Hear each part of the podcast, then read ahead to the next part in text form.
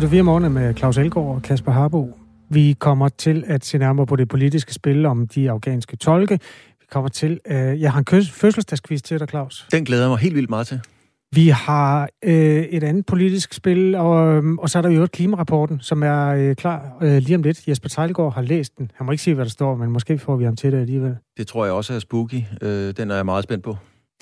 Vi skal ikke snakke med Nasser Carter, kan jeg oplyse. Øhm, vi forsøgte at få fat i ham, i lighed med mange andre medier. Folketingsmedlem hos konservative Nasser Carter stemplede ind i det offentlige Danmark igen i går med et opslag på Facebook, hvor han så sund og rask ud, stod i solskin og skrev, I am back, rasker i topform. Han øh, meldte sig jo syg med stress. En stress, øh, der ramte ham fuldstændig samtidig med en række beskyldninger om noget, der minder om voldtægt, eller i hvert fald, at han skulle have truet sig til øh, seksuelle, ja, lad os kalde det påståede seksuelle krænkelser. Det er ved at blive undersøgt i øjeblikket. Og når jeg så siger, at Nasser Carter ikke skal være med i Radio 4 morgen, så er det hans eget valg. Vi skrev nemlig til ham i går, om han kunne have lyst til at tale med os. Han øh, vil først være med, når den her advokatundersøgelse er overstået. Og advokatundersøgelsen er jo et ret øh, bærende for hans politiske virke. Vi øh, kan fortælle, at øh, konservativ formand Søren Pape Poulsen har øh, udtalt, at Nasser Carter ikke indgår i arbejdet på Christiansborg, så længe den undersøgelse finder sted. Så selvom han er tilbage på de sociale medier, så er han altså stille i politisk kontekst i bred forstand. Men øh, det er bare historien om det interview, du ikke kommer til at høre i dag. Jeg er da personligt øh, spændt på, om øh, Nasser Carter får, skal vi sige, et comeback i dansk politik. Jeg skal slet ikke være tage stilling til, om han er skyldig eller ikke skyldig. Det er ikke det, det går ud på. Men der har jo i tidens løb været mange politikere, som har været involveret i ja, der har været nogle bilag, der ikke rigtig har duet, der har været forhold og så videre. Men noget de, som jeg har bidt mærke i, de aldrig kommer tilbage fra, det er, hvis de for eksempel bliver gjort til grin. Willy Søvndal, The Ice is Melting on the Poles og så videre. Han var rockstjerne, han kom ikke rigtig tilbage, Willy Søvndal. Om Carter kommer tilbage fra denne her, det bliver interessant at se. Det er en benhård sammenligning, Claus Elgaard. God analyse. Øh, Radio 4 Morgen skal i virkeligheden videre ned af den politiske analysestil lige om lidt. Jeg tror lige, jeg tager to sms'er, der relaterer til det, vi skal uh, tale om. Vores lytter Jon, han skriver i relation til Danmarks indsats i det krigs, borgerkrigsherrede Afghanistan. Kan vi få en status på, hvor mange dræbte det endte med for Danmarks vedkommende? Og det endte faktisk med, at øh, 37 danske øh, ansatte i forsvaret mistede livet under Danmarks indsats, netop overstået indsats i Afghanistan. I takt med, at Taliban rykker frem, så øh, bliver der også større politisk fokus på de mennesker, der har hjulpet Danmark i den sammenhæng, og det er faktisk dem, vi skal bruge noget tid på nu. Fordi regeringen er klar til at hjælpe dem, der har hjulpet Danmark. Sådan lød udmeldingen i sidste uge fra udenrigsminister Jeppe Kofod, der har indkaldt partierne bag den såkaldte tolkeaftale til et hastemøde senere i dag. På mødet skal partierne drøfte, om der skal gøres mere for de lokale afghanere, der arbejder for Danmark i Afghanistan. Godmorgen til dig, Thomas Larsen, Radio 4's politiske redaktør. Thomas, hvorfor er denne her sag blevet en topprioritet, kan man sige, for regeringen? Den øh, store årsag er jo naturligvis, at øh, Taliban i Afghanistan øh, rykker frem med en, en kraft, med en hastighed og et tempo, som er kommet bag på de styrker, der på vej ud af, af, af landet. Amerikanerne havde ikke set det komme. De havde ikke troet, at Taliban ville rykke frem så hurtigt. Og hvis man taler med kilder, også i det danske udenrigsministerium og danske forsvarsministerium, så var der ikke nogen, der havde troet, at Taliban ville være i stand til simpelthen at erobre så meget terræn så hurtigt. Men i og med, at dynamikken er så giftig i Afghanistan nu, og det her jo temmelig morderiske regime rykker frem, ja, så er det klart, så er der jo altså opstået en akut situation i forhold til nogle af de afghanere, der har hjulpet øh, de vestlige soldater herunder også, altså øh, de danske øh, soldater, mens de har været dernede, og i hele taget også har arbejdet for eksempel øh, for det danske øh, udenrigsministerium i Afghanistan. Så det, der jo er øh, det, det, det frygtelige perspektiv for, for nogle af dem, det er, at de ganske enkelt risikerer at blive slået ihjel af talibanerne, fordi øh, talibanerne altså anser dem for at være landsforrædere. Og det er det pres, der ligger på det politiske system nu. Thomas Larsen, en masse danskere er lige kommet hjem fra ferie og har ikke fulgt med i, hvad der er sket ude i den store verden, og respekt for det. Så dem kommer der lige lille oprids herfor. Situationen er jo sådan, at USA og NATO i foråret indlagde en tilbagetrækning af deres soldater i Afghanistan. Og i juni, der tog de sidste danske soldater udsendt afsted, de tog hjem til Danmark. Og siden har Taliban indtaget flere og flere distrikter i Afghanistan. USA har besluttet at evakuere de afghanske ansatte, der har arbejdet for afghanerne, eller for amerikanerne i Afghanistan, og lande følger med, som Australien, Storbritannien, Frankrig og Tyskland. De har i de seneste måneder vedtaget regler, der har gjort det muligt for afghanske tolker at komme hurtigt ud af Afghanistan og få asyl. Det er sådan situationen, Thomas Larsen. Hvad er det, der kommer til at ske på det her indkaldte hastemøde i dag? Der kommer til at være stort pres på regeringen for at handle øh, hurtigere. Øh, og det pres, det kommer primært fra regeringens støttepartier, som jo har sagt, at øh, man virkelig skal hjælpe de folk i Afghanistan, der har, der har hjulpet Danmark undervejs. Men der kommer også pres fra flere af de borgerlige partier, som altså også mener, at der skal handles meget, meget hurtigt. Så det bliver i virkeligheden det overordnede tema for, for, for mødet. Men som bekendt, så ligger djævlen jo i, i, i detaljen, fordi regeringen regeringen vil også altså kæmpe for, at øh, man øh, bliver meget klar over, hvad er det præcis for nogle øh, mennesker, øh, der skal, der skal øh, til Danmark øh, i, i givet fald. Altså, hvor meget skal de have arbejdet for Danmark? Er det for eksempel en rengøringshjælp, der er kommet på den danske ambassade hver dag øh, gennem øh, lang tid, og som jo altså vil være formentlig et, øh, et klart mål for talibanerne? Eller er det folk, der kun har været inde og hjælpe med noget i meget kort tid, eller været på et enkelt øh, besøg? Det er sådan nogle ting, man skal prøve at finde ud af, og man skal simpelthen også prøve at finde ud af, altså hvor stort et antal taler vi i virkeligheden om. Nogle af dem, der kommer øh, skal til Danmark, øh, hvor meget familie skal de i givet fald øh, have med. Så nede under den her grundlæggende konflikt, øh, så er der en hel masse svære øh, spørgsmål, der skal afvejes, og det er det, de skal diskutere på mødet i dag. Hvilke øh, scenarier er der i spil? Er der en af vores lyttere, der spørger? Altså er der nogen, der mener, at alle, der har samarbejdet med danske virksomheder, eller med danske myndigheder og danske soldater, og deres familier skal til Danmark i fuldt tal? Jamen, det er meget interessant, fordi det er i hvert fald tydeligt, at, øh, at flere partierne står ordentligt øh, langt fra hinanden, og det viser nok også, at det her også handler om, om, om udlændingepolitik, altså hvor stram en udlændingepolitik man, man, man skal have. Det kan man ikke se bort fra i den her sag. Og hvis man ser på øh, enhedslisten til venstre i det politiske spektrum, ja, så er det nok det parti, der er gået længst i retning af at sige, at flest muligt skal hjælpes, og flest muligt skal have muligheden for at komme til Danmark. Og i den anden ende, der har vi så Dansk Folkeparti, der er ekstremt skeptiske over for at, at hente for mange hjem og gøre det øh, for, for hurtigt. Men det er en, en, en svær øh, situation, øh, som, som skal afvejes øh, her. Øh, hvis vi ser på USA for eksempel, øh, der øh, har man set, at amerikanerne jo har altså simpelthen taget nogle af de afghanere, øh, som har hjulpet dem ud af landet øh, på baser, øh, som amerikanerne har i, i andre lande. Men sådan nogle muligheder er svære for for eksempel øh, Danmark. Og så er der også nogen, øh, for eksempel i regeringen, som udtrykker frygt for, at hvis man rent faktisk begynder at flytte nogle af de her afghanere øh, ud af landet for at behandle deres øh, sager, så vil det i praksis være muligt, umuligt at, at sende dem tilbage igen. Så det er det, jeg siger. I virkeligheden så er der en masse komplekse, svære spørgsmål lige nede under det her med, at man selvfølgelig også meget gerne vil hjælpe øh, de mennesker, som har hjulpet Danmark under konflikten, og det er også derfor, at der er en helt stribe øh, tidligere forsvarschefer, der har været ude og lægge pres for politikerne, fordi de synes, det er uværdigt, det er amoralsk, hvis man svigter de mennesker, der har været med til at hjælpe Danmark. Så der er masser af dilemmaer, der står i kø her. I sidste uge oplyste Forsvarsministeriet i en presmeddelelse, at flere sagsbehandlere er afsat til at sikre en hurtigere behandling af ansøgning øh, til de lokale og tolke og lokalt ansatte, der øh, trues eller er i fare. Ifølge Udenrigsministeriet er der aktuelt 40 afghanere, som får asylsager behandlet i Danmark. Thomas Larsen, du har været inde på nogle af de dilemmaer, som regeringen er ude i her. Hvad er det ellers, skal vi sige, for en politisk linedans, som, som regeringen skal være varsom i, når de går ind i den her sag?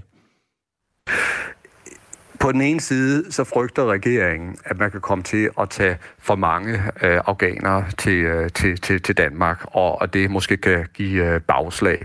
Øh, og så er der også folk i regeringen, der er klar over, at Afghanistan jo desværre er et øh, ødelagt øh, land, øh, hvor øh, befolkningen igennem mange år altså har været klemt mellem forskellige øh, interesser. Det kan være vestlige styrker, og det kan være talibanerne.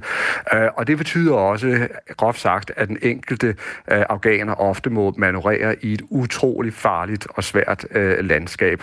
Og det kan for eksempel også betyde, at nogle af de afghanere, der har hjulpet Danmark undervejs, måske også i andre situationer altså har måttet samarbejde med Taliban og andre. Altså på den måde er virkeligheden utrolig kompleks i Afghanistan, og der vil regeringen jo selvfølgelig meget gerne være sikker på, at man får de rigtige til Danmark, og man ikke får for mange, fordi her der kommer udlændingepolitikken så også i spil igen.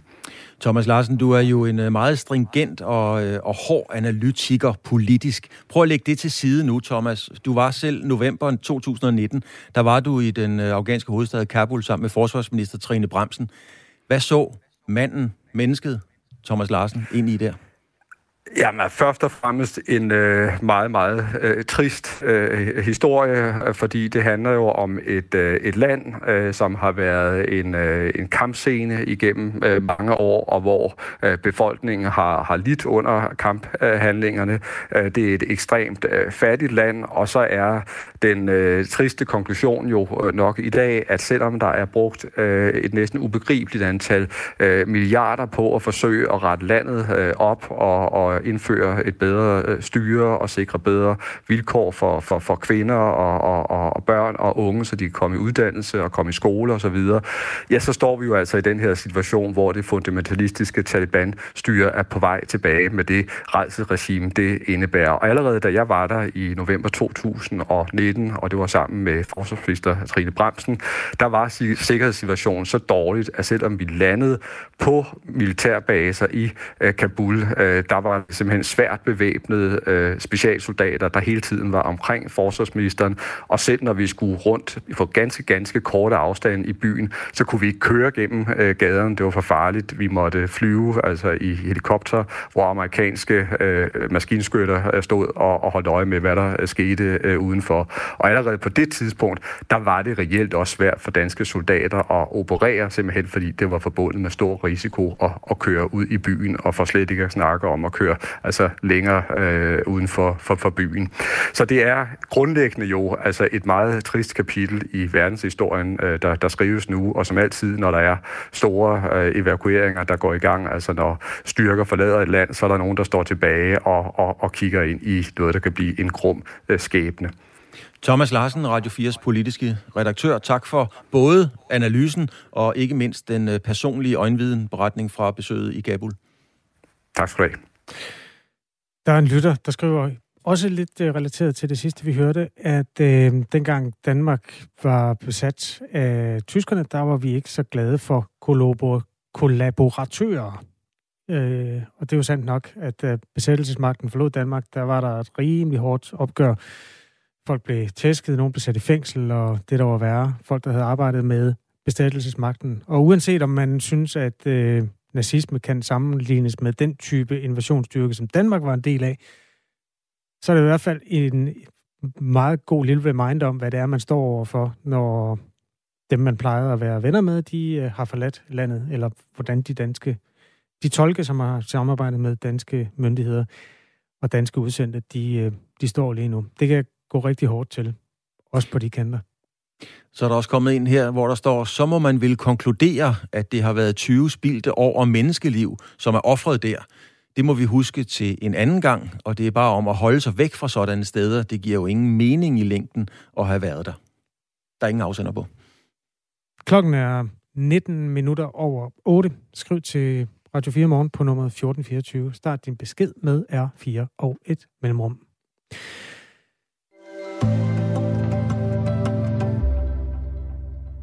Antallet af mennesker, der får recept på det afhængighedsskabende og morfinlignende præparat, der hedder oxycodon, er steget med næsten 70 procent i løbet af de sidste fem år. Øhm, det er en historie om medicin og mennesker, som Berlingske øh, fortæller i dag på baggrund af tal fra Sundhedsdatastyrelsen. Og det er altså nogle tal, der skaber bekymring blandt patientorganisationer og fagfolk og politikere. Nina Kvorning er overlæge og næstformand i Dansk Smerteforum, øh, der arbejder for at fremme kendskabet til smerter og smertebehandling i Danmark. Godmorgen. Godmorgen. Hvorfor er det et problem, at der er 90.000 danskere, der har en recept på det her præparat, der hedder oxycodon? Det er jo et, øh, et afhængighedsskabende præparat, øh, som ikke har den samme effekt efter et stykke tid, sådan som man behøver at tage mere øh, og øh, som øh, skaber mange problemer. Det har vi jo set øh, specielt i USA, men øh, også øh, i den øvrige verden. De mennesker, der har fået det her, har jo fået det som en del af en recept. Altså, hvad er, hvad er det, der ligger bag? Altså, er der blevet flere smertepatienter, eller har man øh, valgt andre behandlingsmetoder, end man plejer? Nej, altså øh, det, det her det er jo øh, ikke et nyt problem. Øh, det er vel en stigning i forhold til en relativ sænkning øh, tidligere. Øh, man har gået ind og lavet nogle reguleringer for at mindske øh, forbruget. Øh, og der må jo regeringer og embedsmænd overveje, om de forholdsregler, man øh, traf, om det var det rigtige, eller om øh, man kunne gøre noget andet, som vil få en større betydning for vores befolkning. Okay, nu bliver det lidt øh, kompliceret for mig. Undskyld, hvis jeg lige spørger om noget, jeg har spurgt om en gang. Men altså, du, du siger, der er en, en stigning nu, som skal ses på baggrund af et fald, som der har været. Et fald, man ja, har fordi man gik, ind med nogle, man gik ind med nogle forholdsregler, blandt andet at, øh, at, at man havde mere kontrol over udskrivningen af medicinerne. Okay. Øh, og øh, det var jo et godt første skridt, øh, men øh, det er jo ikke noget, der hjælper øh, for alvor, for øh, man, man giver jo ikke patienterne noget andet. Øh, det er jo ikke fordi, de synes, det er sjovt, de går og spiser de her øh, tabletter. Det er jo fordi, at de øh, har en smerte, som de ikke øh, får hjælp til. Hvad har de mennesker så gjort nu? Altså, det, eller gjort, mens de ikke har kunnet få det her Ja, øh, men det har bare været en kortvarig stramning, som gjorde det rigtig svært for dem, og der var en hel del, som skulle have morfin, som ikke fik det i den periode, fordi at vi alle sammen blev forskrækket over det, der skete i USA, og øh, ligesom forsøgte at følge med øh, de forholdsregler og håbede, at de kunne øh, fungere. Mm. Øh, og det, det, det, som øh, det, som sker, det er jo, at man, det er jo ligesom, hvis man maler en, en væg uden at have øh, renset og grundet den først, så ser det ret flot ud lige et stykke tid, og så begynder det at faldere igen. Øh, og og, og det, det er sådan, at øh, 20 procent af den danske befolkning har kroniske smerter, og 5 procent har det, vi kalder komplekse kroniske smerter, som har store øh, forandringer, medfører store forandringer i deres liv. Øh, så vi, vi har en, en stor befolkningsgruppe, der behøver en bedre strategi. Lad os lige tage, øh, inden vi går videre, øh, Nina Kroning, nogle fakta i den her sag. Altså for det første, så er der altså øh, i USA et antal dødsfald, som følger en overdosis med det, der hedder Oxycontin og andre af de her lignende produkter, som er steget dramatisk de sidste 10 år. Øh, op i nærheden af 50.000 dødsfald om året. Altså i et øh, land selvfølgelig med en stor befolkning, men op imod 50.000 dødsfald om året for øh, et par år siden. Er der grund til at frygte, at det vil kunne afspejles sådan forholdsmæssigt, også med mange dødsfald, øh, som følger overdoser i Danmark? Jeg tror, at den danske befolkning har en anden holdning til øh, en hel masse spørgsmål, øh, som gør, at vi er bedre forberedt. Jeg tror, at danske patienter i højere grad tager et ansvar for sig selv. Øh, og de øh, skrækhistorier fra USA, det er øh, også baseret på en hel del øh, læger, som jeg ikke øh, har øh, stiftet bekendtskab med. Den type har jeg ikke stiftet bekendtskab med i Danmark, så jeg tror, der er nogle forhold, som gør sig gældende, som beskytter den danske befolkning mod, at det bliver lige så udtalt. Okay, hvad er øh, altså nogle læger, der bare udleverer øh, mere ja, medicin, altså, end der, der er brug for? Der, der er nogle, der er nogle skrækkelige øh, eksempler på øh, helt øh, underlige forhold. Okay. Øh, og naturligvis så er der altid øh, mennesker, som øh, øh, handler forkert, men, men det vil være mere udbredt. Men, øh, men det er jo sådan set øh, ikke øh, dødsfaldene i sig, som øh, er det, der bør gøre, at vi bør gøre noget ved det her. Jeg synes, det er dette, at vi har et kæmpe problem, som vi ikke engagere os i, øh, og hvor man faktisk har et meget fint fagligt oplæg til en smertehandlingsplan, øh, som også omfatter øh, den her problemstilling. Tilbage står bare, at der er jo et antal mennesker, der har de her smerter, som har brug for et eller andet. Og øh, hvis ikke de kan få det her, som der nu er skruet op for, øh, altså hvad skal man så gøre med dem? Ja, altså, så længe de har det her problem, så, så har vi et ansvar for dem. For det er et jatrogen, altså et, et problem, som er opstået, fordi at vi har givet dem medicinen. Og så har vi som lægefaglige og øh, ja, klinisk personale, sygeplejersker osv., øh, ansvar for dem stadigvæk. Øh, og øh, det, det, det, det synes jeg er vigtigt at understrege, og der findes jo mange øh, dygtige øh, klinikere, blandt andet i Køge, har de haft en meget fin, øh, en, en, en, en øh, meget fin øh, policy omkring det her. Øh, så øh, alle smerteklinikkerne har jo et program for, hvordan man hjælper folk til at blive af med den her medicin, som øh, dels øh, ikke virker lige så godt som tidligere, dels øh, giver dem en risiko for at blive øh, afhængige, dels øh, også faktisk både kan påvirke deres hormonsystem og deres immunsystem. Øh, så det er skadeligt på alle måder. Men noget skal de jo have i stedet for, hvis de har smerter Ja, stadigvæk. det skal de. De skal have en god, øh, en god øh, øh, kontakt til et øh, personale, som, øh, som kan hjælpe dem. Og det er der, hvor øh, vi behøver hjælp fra regeringer og embedsmænd. Fordi det foreligger ikke i den udstrækning, det burde. Er der nogen forskning eller noget, der peger på, at de her præparater kan føre øh, dem, der får det, patienterne, ud i et regulært stofmisbrug, altså at det er en bro over til, til nogle andre stoffer? Ja, men det er jo et kendt faktum. Altså, jeg, jeg, jeg, jeg kender faktisk ikke til den forskning, men jeg, det, det foreligger utvivlsomt. Øh, fordi der er et, øh, et antal patienter, øh, og hvad det så er, som gør, at lige de patienter øh, går i den retning, øh, det, det vil jo være forskellige ting, men der kunne man jo også forestille sig, at øh, en dårlig, øh, en dårligt fungerende sundhedssystem øh, kan medvirke til, at øh, mennesker føler sig svigtet og vælger øh, meget uhensigtsmæssige løsninger. Tak fordi du var med, Nina Korning. Værsgo. Overlæge og næstformand Dansk Smerteforum, der arbejder med at øh, fremme kendskab til smerter og smertebehandling og smerteforskning i Danmark. Der er tre minutter til klokken. Den er halv ni. Du lytter til Radio 4 morgen med Claus Elgaard og Kasper Harbo. Jeg tror, du simpelthen skal tage en øh, fødselsdagskvisten nu, Claus. Er det okay? Ja, jeg, jeg, jeg er ikke særlig skrab til. Lad os prøve. Det er jo en måde at markere nogle af de mærkedage, som er øh, ellers går lidt under radaren, og som er svære at lave traditionel journalistik på. Jeg har Mm. fundet fem. Ja. Fem typer af fødselsdage. Det kan både være mennesker, det kan være begivenheder, det kan være lande, som øh, fylder over. Og du får de fem øh, simpelthen overleveret i en rodbunke, og så skal Mhm. du sortere dem med den ældste først, og så fremdeles lægge dem i nummerorden. Ja. Er du klar? Ja. Den er super svær i dag. Mm. Øh, for det første har vi øh, Gerald Fords øh, præsidentperiode. Den har fødselsdag, fordi den startede i dag. Gerald Ford, som jo øh, trådte til, da Nixon ikke gad mere. Så har vi øh, Singapore. Det skønne asiatiske land, der rev sig fri af Malaysia. Mere håndgribeligt har vi Lotte Mejlhede. Dansk tv-journalist, studievært, korrespondent. Så har vi øh, Tom McEwan, skotsk født øh, musiker. Alle sammen lidt svære. Og så har vi en, en, en gammel svend, der hedder det Sixtinske Kapel i Vatikanet. Ja. og, og jeg skal simpelthen finde det, der er ældst først. Ja, det synes jeg, du skal. Okay. Okay. Øh, Hvis Jamen- du får den første forkert, så bliver jeg bekymret.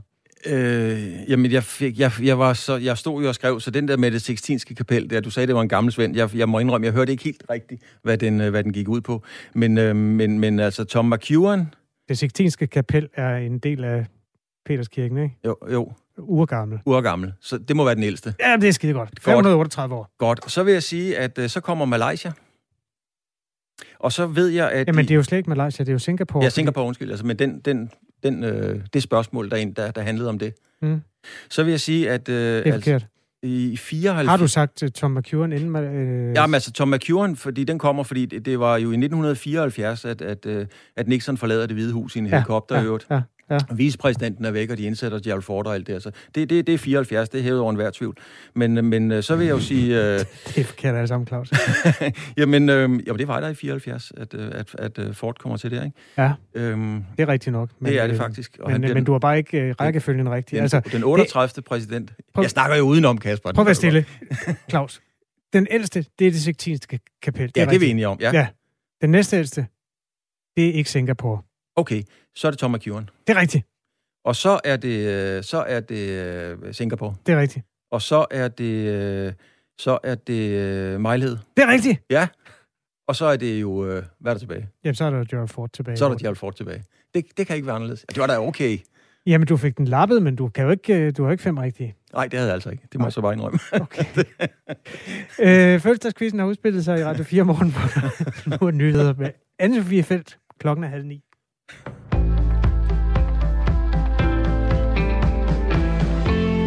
I dag skal regeringen mødes med Folketingets partier og drøfte, hvad der skal ske med de afghanere, som har hjulpet de danske styrker under krigen i landet. Og her kommer Venstre med en klar opfordring. De partier, som har bragt danske styrker ind i Afghanistan, har et fælles ansvar for hurtigst muligt at hjælpe de lokalt ansatte.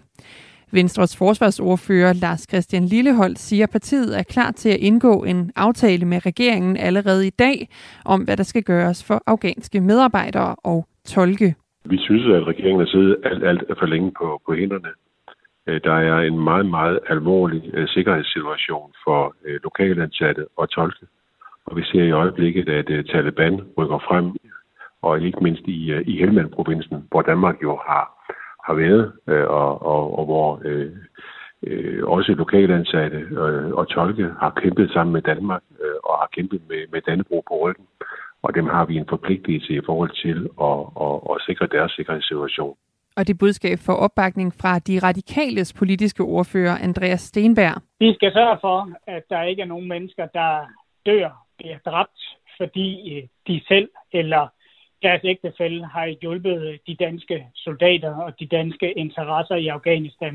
En række andre partier melder sig også klar til at hjælpe afghanerne. Det gælder SF, de konservative, de radikale og Dansk Folkeparti. Dansk Folkeparti understreger dog, at afghanerne skal hjælpes i deres nærområde. Et år efter, at Alexander Lukashenko blev genvalgt som Hvide Ruslands præsident, der tror EU nu med flere sanktioner mod manden, der er blevet kaldt Europas sidste diktator.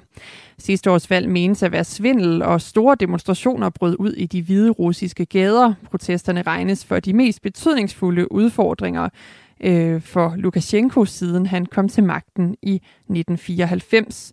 Men protesterne slog den hviderussiske præsident altså hårdt ned på.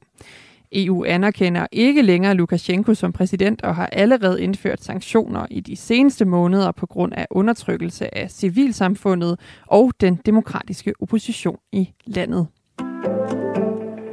Over 80.000 mennesker er blevet evakueret i den sydvestlige kinesiske provins Sichuan på grund af kraftig regn og oversvømmelser. Det melder flere statslige medier om ifølge nyhedsbyrået Reuters. Vandniveauet i flere store floder i provinsen har nået et alarmerende niveau efter konstant regn fra i fredags til i går. Det statslige medie China News Service oplyser, at over 440.000 mennesker nu er blevet påvirket af oversvømmelser i seks forskellige byer over hele provinsen. Den svenske klimaaktivist Greta Thunberg er på forsiden af den første udgave af det nye modemagasin Vogue Scandinavia, og det benytter den 18-årige aktivist til at kritisere modebranchen. Thunberg har offentliggjort et billede af forsiden på sin Instagram-konto, og det er i den forbindelse, at hun retter kritik. Modeindustrien er en stor bidragsyder til klimakrisen og den miljømæssige krise, for slet ikke at tale om dens indvirkning på utallige arbejdere og lokalsamfund, der bliver udnyttet rundt om i verden for, at nogen kan nyde moden, der er i hurtig forandring, skriver Thunberg i opslaget. Det bliver mest skyde, og vi får en del byer, der kommer ind over landet fra sydvest, og som lokalt kan være med torden og havl. Men i løbet af dagen, der skulle det altså give lidt eller nogen sol. Temperaturer mellem 17 og 21 grader. Det var nyhederne på Radio 4.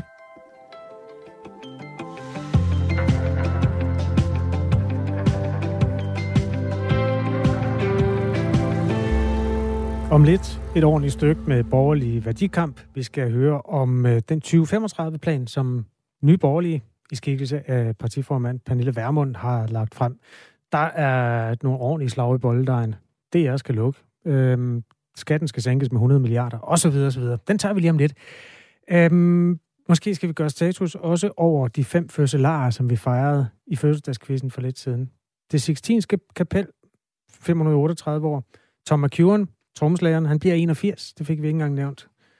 Singapore bliver som selvstændig nation 56. Lotte Mejlhede, den fine journalist, bliver 55. Og endelig er det 47 år siden, at Gerald Ford blev præsident i USA.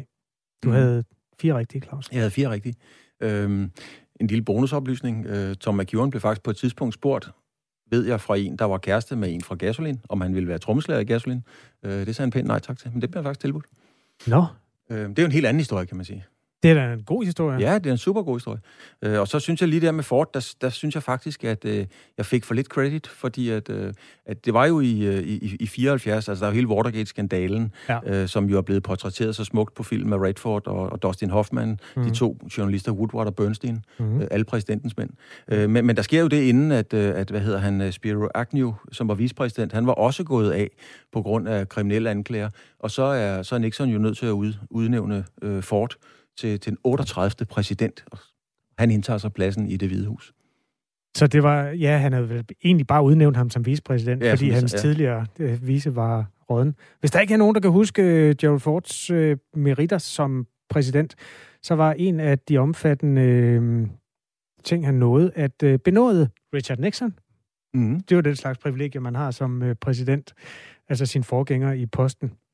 Han fik også sagt nogle lidt dumme ting under en tv-duel mod Jimmy Carter. Jimmy Carter var jo... Øhm, Peanut, øh, peanut buttermanden. Ja, demokraternes øh, kandidat ved det følgende valg, og han blev også... Øh, men der, der diskuterede de nemlig, om øh, Sovjetunionen nogensinde ville komme til at sætte et aftryk på Østeuropa. Og der var Gerald Ford altså ret sikker på, at det kommer Sovjetunionen ikke til at gøre. Østeuropa vil ikke blive sådan specielt præget. Der kan man sige, at han tog marginal fejl. Det er vildt at sige det i 70'erne alligevel. Der troede jeg, der har trods alt været Ungarn opstand og alt muligt. Men anyway, øhm, det er jo det, der er fedt ved fødselsdagskvisten. Man kan lige råde lidt i boksen med gamle historiske fakta. Ja. Klokken den er 8.37. Du hører Radio 4 morgen. Skatten skal sænkes med 100 milliarder, Danmarks Radio skal nedlægges, jobcentrene skal afskaffes, og øhm, så skal vi sige farvel til ikke færre end 100.000 offentligt ansatte, lyder det i en ny plan fra Nye Borgerlige. Planen er en 2035-plan, og altså en vision om, hvordan Danmark, hvordan Danmark skal se ud om 14 år. Pernille Vermund er formand for Nye Borgerlige. Godmorgen. Prøv lige igen. Er du her, Pernille Vermund? Ja, det er jeg. Kan ja, det er godt. Ja, nu er du loud and clear igennem. Goddag. Er godt. Goddag. Øhm, hvorfor er der brug for en borgerlig værdikamp lige nu? Det er der, fordi vi jo i rigtig mange år har kunnet se, hvordan politikere, både blå og røde politikere, har centraliseret magten, centraliseret vores samfund, flyttet flere og flere både ressourcer og øh, penge ind på Christiansborg og sendt en stor del videre til EU. Og vi ønsker at gå en anden vej. Vi ønsker, at politikerne skal bestemme mindre, og danskerne skal bestemme meget mere selv, også over flere af deres egne penge. Politikerne har simpelthen fået alt, alt for magt, meget magt over danskerne danskernes hverdag, men også når vi taler om, hvad er det for offentlige tilbud, øh, hvad er det for et fællesskab, vi har med hinanden.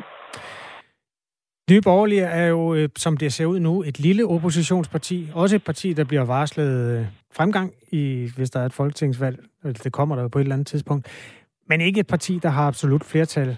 Hvor meget af det her er sådan, lad os kalde det værdikamp, og hvor meget er det reelt politisk indhold?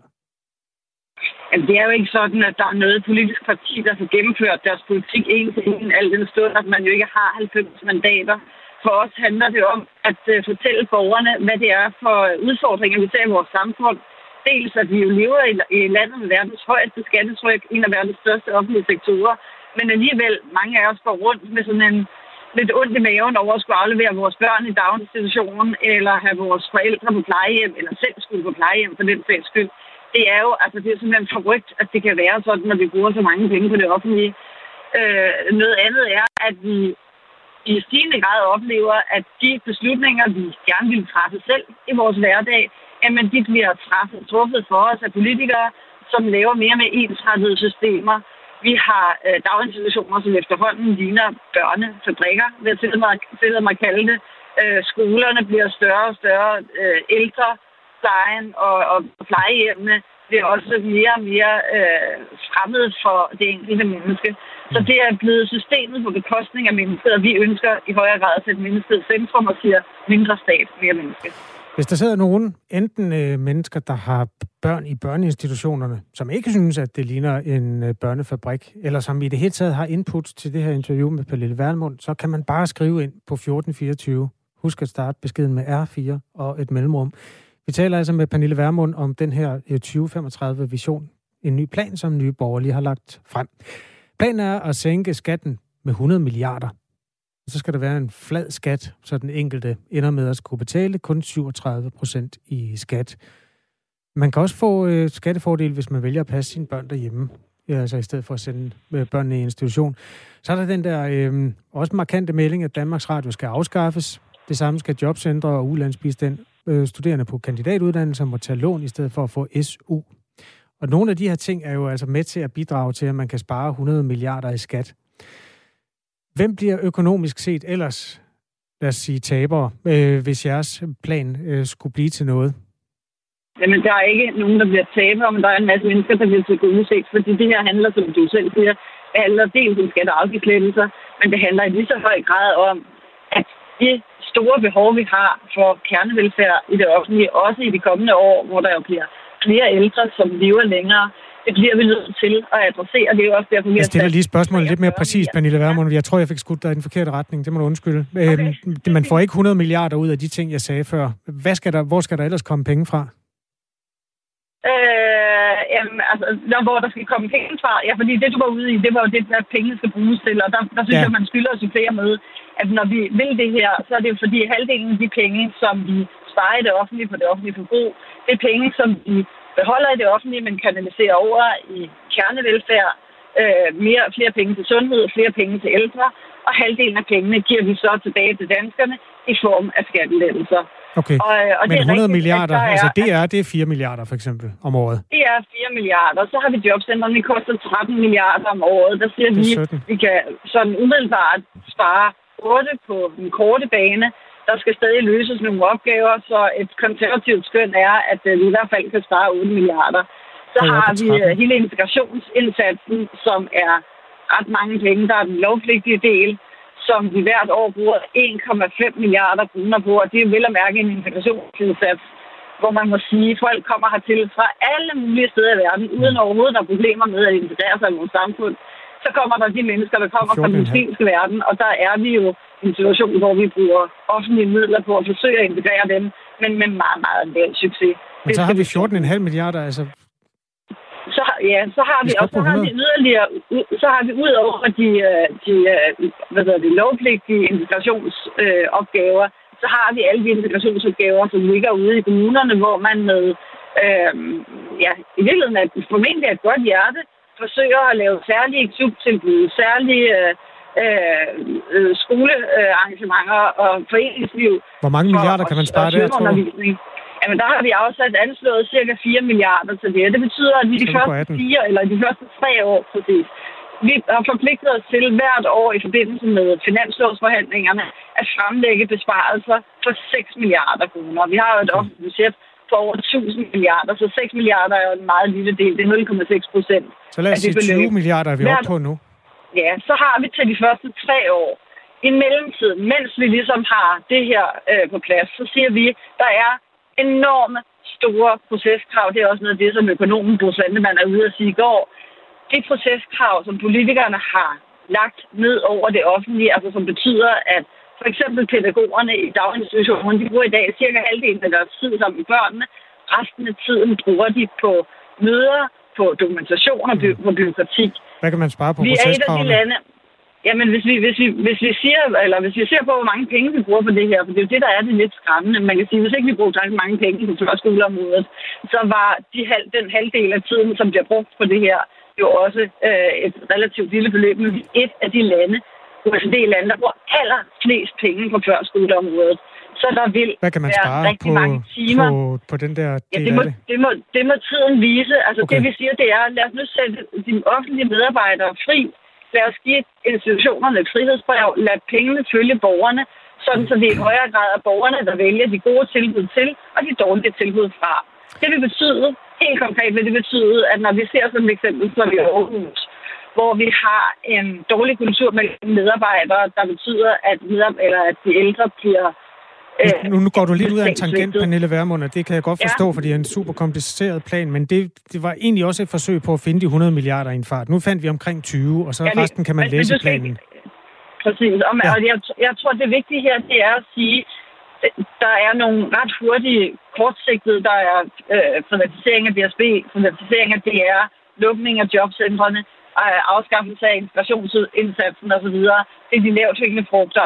Dem, de rækker over fremover. Og parallelt med det her, så er vi nødt til at fjerne den store detaljregulering, der er af den offentlige sektor i dag, det som, øh, som økonomerne kalder proceskrav, ja. som betyder, at vi spilder rigtig, rigtig mange af danskernes penge. At vi skaber en uh, situation for medarbejderne i det offentlige. Ved du hvad, Pernille Vermund, det, jeg, jeg forstår godt, at du gerne vil...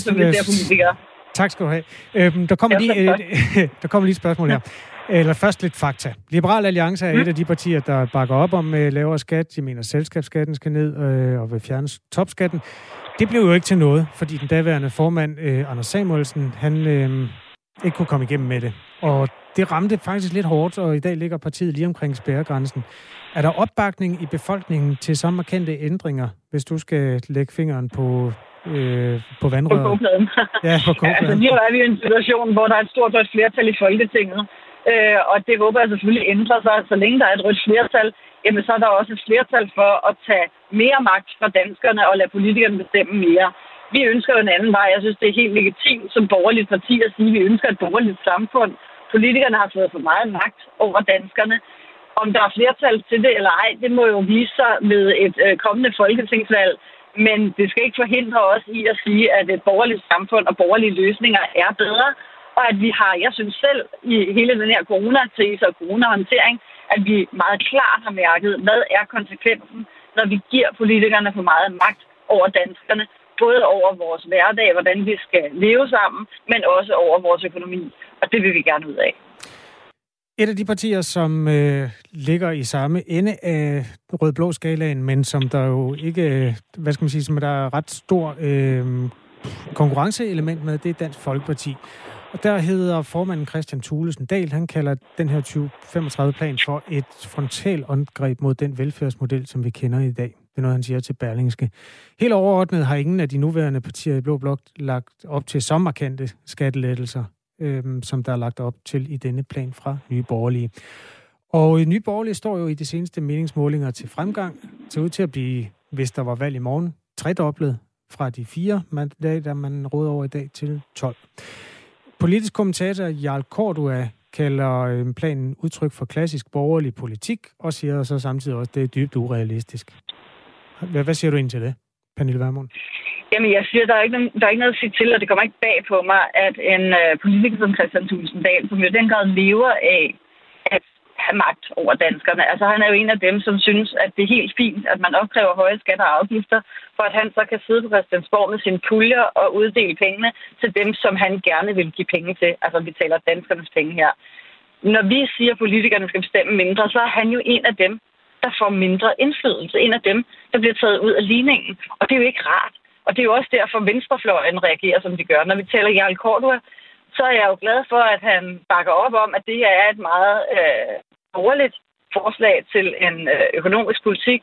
Men Jarl Cordua har også ret i, at så længe der er så stort rødt flertal, ikke, blandt, ikke kun blandt de partier, der nominelt er røde, men også eksempelvis blandt øh, partier i blå blok, som for eksempel Dansk Folkeparti, som jo har en mere venstreorienteret fordelingspolitik, mm. jamen så bliver det rigtig svært. Og det er derfor, vores opgave er ikke i første omgang at overbevise de andre politikere. Vores, omgang, eller vores opgave er i første omgang at give danskerne et øh, bedre billede af, hvad er det for et samfund, vi har, hvad er problemerne i det samfund, vi har. Det er sandet til. Det er blevet til one size fits nobody. Vi ønsker, at pengene skal følge borgerne, så borgerne får frihed til at stemme med fødderne, så man får mere øh, det, man kan kalde konkurrence. Ikke forstået på den måde, at man ikke skal betale over skatten, men at hver institution får et incitament til at opstå til at gøre og levere en øh, bedre ydelse over for borgerne. Dem, der klarer sig godt, de kan tiltrække flere borgere og udvide. Dem, der klarer sig dårligt, jamen, de må enten opstå eller dreje nøglen om, så flere eller som nye kan komme til. Og okay. det er noget af det, vi savner i det offentlige. Friheden ud til institutionerne, til de fagligt ansatte i det offentlige, og friheden tilbage til de danske familier. Pernille Vermund, altså Jarl Kortberg, han kaldte det her for dybt urealistisk. Øh, før der sad du sammen med Kasper Harbo, og I ridsede nogle øh, scenarier op, der ligesom kunne spare penge, og I nåede til cirka 20 milliarder, og jeg hørte dig ikke rigtig gøre indsigelse mod det. Så er der langt til 100, så mangler der sådan set 80 milliarder. Det svarer til fire storebæltsforbindelser. Der sagde du, at det kan man jo læse sig til. Altså, kan du godt forstå, hvis nogle folk er lidt bekymrede over, at man kan finde 20, og så skal man læse sig til de sidste 80? Altså, jeg tror, det er en kollega, der sagde, det kan man læse sig til. Fordi det, vi siger med planen, det er, at vi forpligter os til hvert år i forbindelse med finanslovsforhandlingerne at lægge ændringsforslag frem, som sparer de 6 milliarder. Vi sætter det her som et mål, og det gør vi sådan helt af hvad skal man sige, ideologiske og politiske årsager. Et mål, der handler om, at den offentlige sektor, den skal ændres, vi skal give flere penge til reel kernevelfærd og bruge færre penge på, på os. Og så skal vi sikre, at den offentlige sektor i forhold til den private bliver mindre. Det betyder, at der vil være nogle medarbejdere, som i dag er beskæftiget i det offentlige, som vi er nødt til at flytte over i det private, for at vi kan give det private erhvervsliv luft under vingerne. Så vi har en overordnet målsætning, som jo går frem mod 2035. Vi har anvist, hvad er det for områder, vi kan spare på kort sigt, og vi har også forpligtet os til så år for år at fremlægge øh, ændringsforslag. Det er som sagt det er 6 milliarder om året, der skal laves øh, besparelser for ud af et budget på over 1000 milliarder. Og øh, det er overhovedet ikke nogen svær opgave, når man så først kommer ned i materien. Men det er jo klart... At det er nemt at spare 6 milliarder, øh, lyder det fra Pernille Vermund. Undskyld, at jeg kapper dig her, men vi, vi, øh, ja. vi har været glade for at have dig med. Tak skal du have. Ha' en god dag. Ja, selv tak. Tak skal du have. Hej igen. Hej igen. Pernille Vermund, som altså er formand for Nye Borgerlige og fremlagde visionen her. Vi skynder os lige med en sms fra Alexander. Han er sociolog og skriver, spot on, det er børnefabrikker, altså institutionerne. Vi har valgt ikke at sende børnene afsted, da alle dagtilbud, vi besøgte, var alt for presset. Det er synd for pædagogerne, der tydeligere presset. Øh, Katarina skriver, det er en god plan. I får min stemme ved næste valg. Bo synes, det er pragtfuldt at høre ægte liberale tanker. Og Ken Fischer skriver, at flertallet af danskere lever af penge fra det offentlige. De vil aldrig stemme sig til mindretallets penge. Derfor bliver det aldrig til noget. Desværre, synes Kenneth.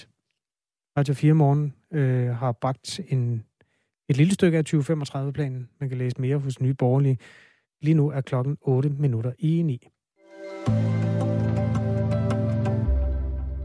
Og om lidt over en time, så udkommer FN's klimapanel, det hedder IPCC's nye hovedrapport, som giver en status på, hvordan højere temperaturer allerede har forandret vores klode, og hvad vi kan forvente os i fremtiden.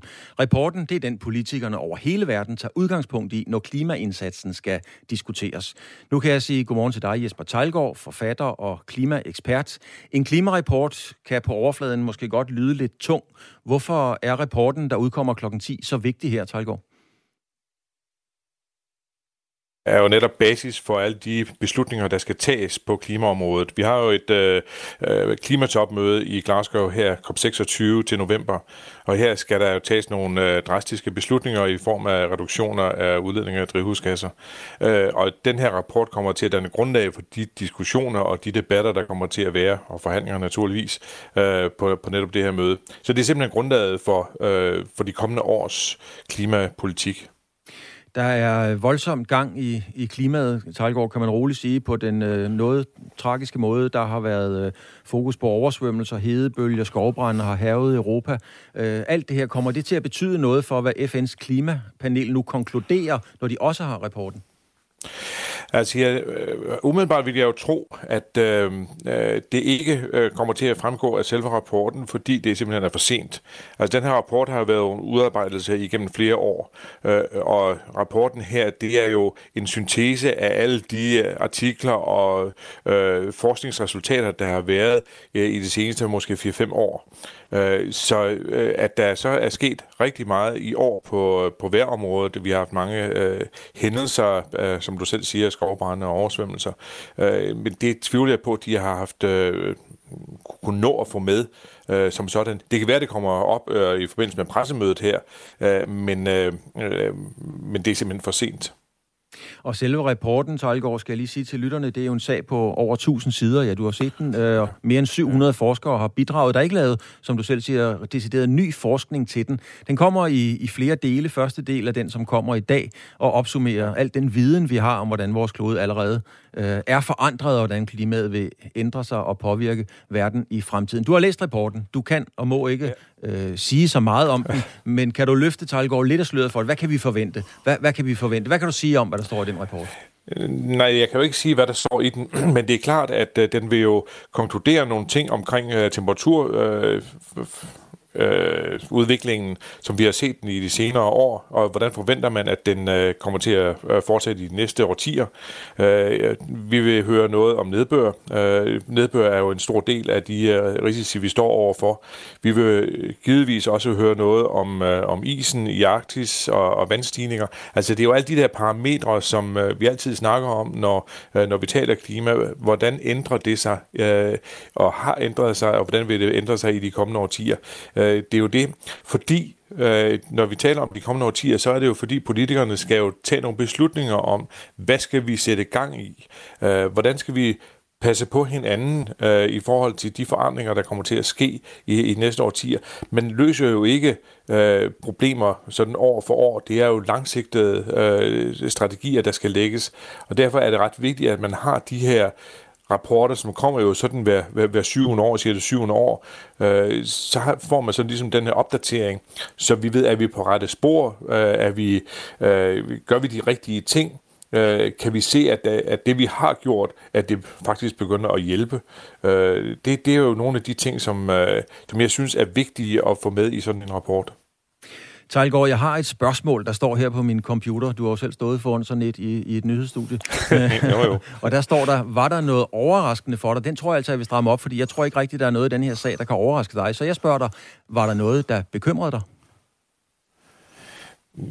Jeg vil sige, at øh, der var øh, nogle af de, af de tal, der er kommet frem, som står i rapporten, er ikke noget, der overrasker mig. Uh, og dermed kan man sige, at jeg bliver ikke mere, hverken mere eller mindre bekymret uh, ved, ved at læse rapporten. Jeg bliver uh, måske stadfæstet i den viden, jeg har, den uh, tro, jeg har på, hvordan udviklingen den er, og hvordan den kommer til at gå i de kommende årtier. Uh, så, så i det lys, så var der ikke sådan øh, overraskelser. Øh, det sagde, nå okay, øh, det, det, det vidste jeg ikke. Altså sådan, så, sådan er den ikke. Øh, så derfor er det en, øh, en stadfæstelse af, af, af den viden, Øh, og hvis man jo, som jeg har gjort, altså set og, og læst de uh, ting, der er kommet i de seneste 4-5 år, uh, så er det klart, så bliver man jo ikke sådan helt, helt overrasket. Til november i Glasgow, der mødes øh, verdens ledere for at diskutere landenes klimaambitioner, kan man vil kalde det. Øh, ja. Hvilken virkning, eller tror du, at rapporten kan, kan få indvirkning på sådan et møde reelt? Altså, det, det håber jeg naturligvis, at man kommer til at diskutere på og, og forhandle på et øh, fornuftigt grundlag. Øh, det, jeg tror dels at rapporten kommer til at virke som basis, men der tror jeg så til gengæld også, øh, at de hændelser, vi har set i år, øh, faktisk får en indflydelse, fordi øh, alle politikere kan jo godt se, at der er noget rivende galt, at vi skal til at passe på vores klode, hvis det er sådan, at det ikke skal løbe ud af en tangent.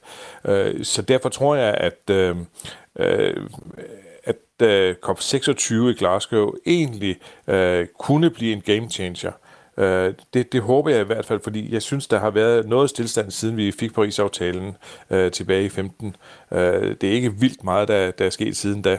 Øh, så derfor tror jeg, at øh, de hændelser, vi har set i år, faktisk kommer til at intensivere den, øh, det ønske, der er om at, øh, at reducere udledningen af drivhusgasser, fordi det er jo reelt det, der er problemet.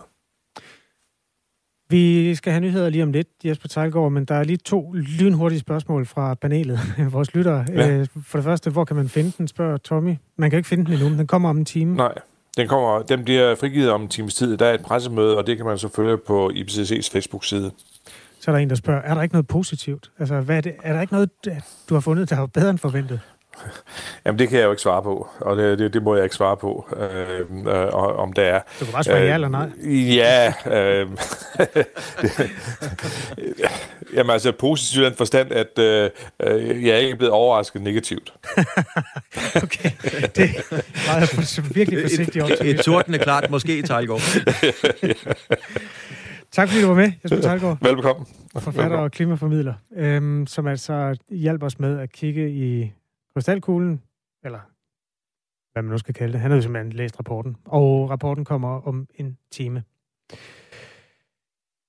Det var øh, i og for sig de store sten, som vi skulle øh, flytte en af gangen for at komme hen til øh, klokken 9. Radio 4 Morgen har i dag været med Claus Elgaard og Kasper Harbo. Det var faktisk øh, første gang i vores... Det var to uger gamle mennesker, der har været i branchen altid. Vi har aldrig lavet et radioprogram sammen før. Det har vi aldrig nogensinde, når vi er blevet gamle. Jeg kan for eksempel ikke huske, hvad der var med i første time. Men du får chancen igen i morgen, fordi vi skal lave det hele ugen. Ja, det skal vi, og jeg glæder mig. Det gør jeg også. Tak for i dag. Øh, Radio 4 Morgen er altså tre timers aktualitetsradio, der udspiller sig live mellem 6 og 9, eller du kan finde det som podcast lige det sted, hvor du hører den slags. Der er Ring til Radio 4 med Anne-Sophie efter nyhederne. Klokken den er, eller Ida Sofie for himlens skyld. Nyhedsverden hedder Anne-Sofie. Det er kompliceret. Klokken er 9.